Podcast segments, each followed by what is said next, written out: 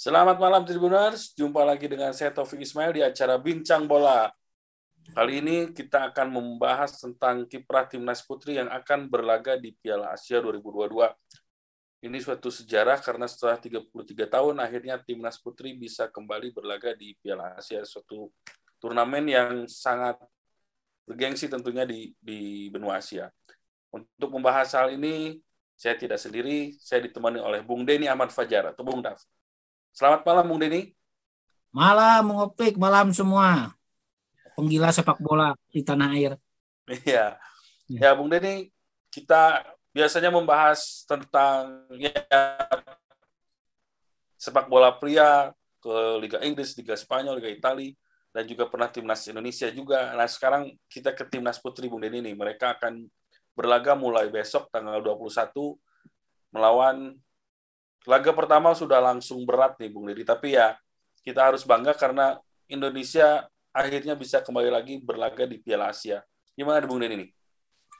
Ya kita apa harus angkat topi apresiasi paling tinggi kepada untuk timnas putri Indonesia setelah kita terlalu lama menatap sepak-sepak bola liga di Eropa ternyata di tanah air kita juga punya prestasi yang patut dibanggakan, baik timnas putri ini. Masuk Piala Asia, ya, betul, betul. apa di putaran final Piala Asia, ya. bukan bukan bukan prestasi kaleng-kaleng katanya Pik, kata orang sekarang anak muda sekarang. Itu prestasi yang ya, ya pasti penuh perjuangan, penuh kerja keras, air mata dan apa perjalanan panjang dan itu juga apa menjadi buahnya ada prestasi masuk Piala Asia ini. Kita harus apresiasi siapa yang akan dihadapi Australia, ya. Thailand dan Filipina di grup B. Saya kira bukan lawan yang harus ditakuti. Kita harus bisa nembus mereka. Itu Pik.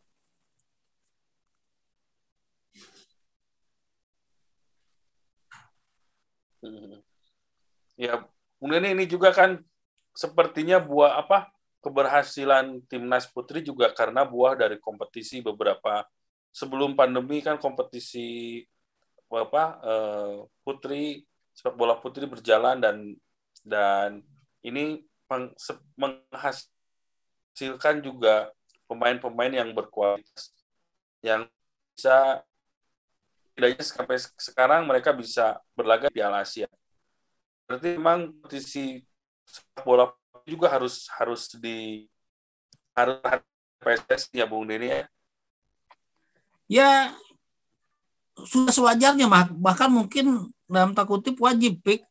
Selama ini kita memang terlalu apa bukan terlalu ya karena kita fokus kita ke Liga Indonesia Putra gitu pik ya. Satu nah, dan ini juga Betul didukung beberapa faktor atau elemen lain di luarnya seperti siaran langsung kita juga tidak tidak tidak terlalu banyak melihat kiprah klub-klub sepak bola putri. Padahal ya dari turnamen mereka, kompetisi mereka terbukti melahirkan timnas putri yang sangat tangguh. Dan ini mungkin juga bisa mengalahkan timnas eh, putra, Bang Opik masuk Piala Asia ya ya ya prestasi yang bagus. Ini ini ya.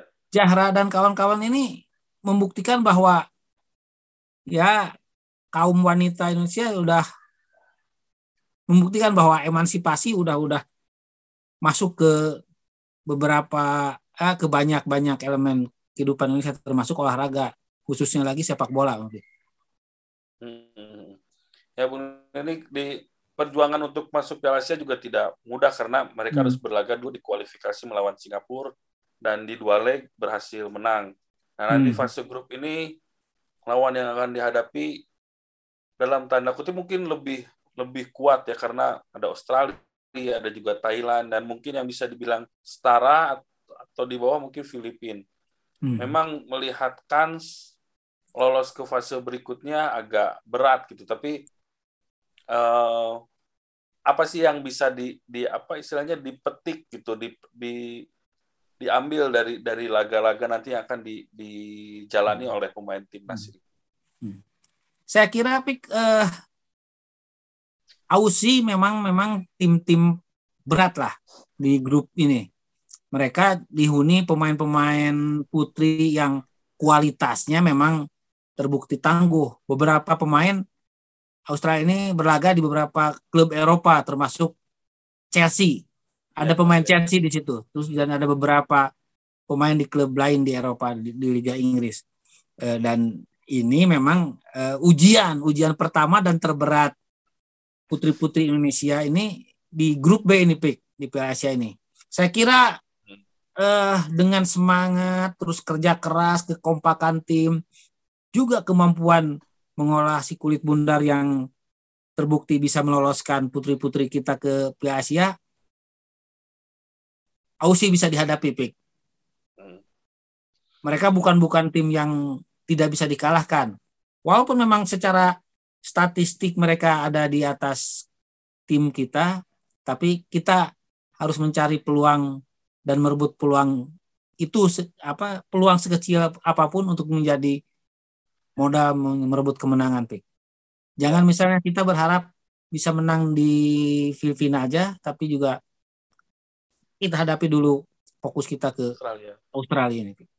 Ya, ya, memang karena uh, tidak ada yang mustahil ya, Bung Dave ya di ya. di sepak bola. Jadi lawan Australia bisa all out, syukur-syukur bisa meraih poin. Nah nanti bisa dimaksimalkan di dua pertandingan melawan Thailand dan Filipina betul agar Bung bisa meraih poin penuh. Ya. ya memang kalau melihat di luar negeri di Indonesia juga sebenarnya apa tim-tim Liga 1 sudah punya tim apa tim putri di hmm. luar negeri kompetisinya sudah berjalan sangat bagus dan pengelolaannya juga sangat bagus. Ya. Nah, ini ini mungkin yang masih kurang ya di di di Indonesia mungkin ya Bung Dev ya. Ya. Uh, tim apa Liga sepak bola putri masih ada di tataran istilahnya di Liga satunya sementara di di bawahnya kompetisinya masih belum berjalan dan ini yang bisa menjadi istilahnya keterbatasan pelatih pelatih timnas untuk untuk memilih pemain mungkin ya Bung Denny ya. Ya, dan saya kira untuk misalnya walaupun ya perhatian kita agak-agak agak tertutup gitu sedikit ke ke tim putri ini kompetisi ini saya kira sudah harus dukungannya harus sepenuhnya harus penuh gitu maksudnya maksud saya seperti ke Liga 1 misalnya Pik hmm. Liga 1 Indonesia dan tim putri ini misalnya ya siaran langsungnya juga harus diberi diberi jatah yang sama gitu Pik seperti Liga 1 gitu. Diberi slot gitu ya. Ya, gitu artinya jangan-jangan misalnya jangan mencari keuntungan aja di Liga 1 Putra.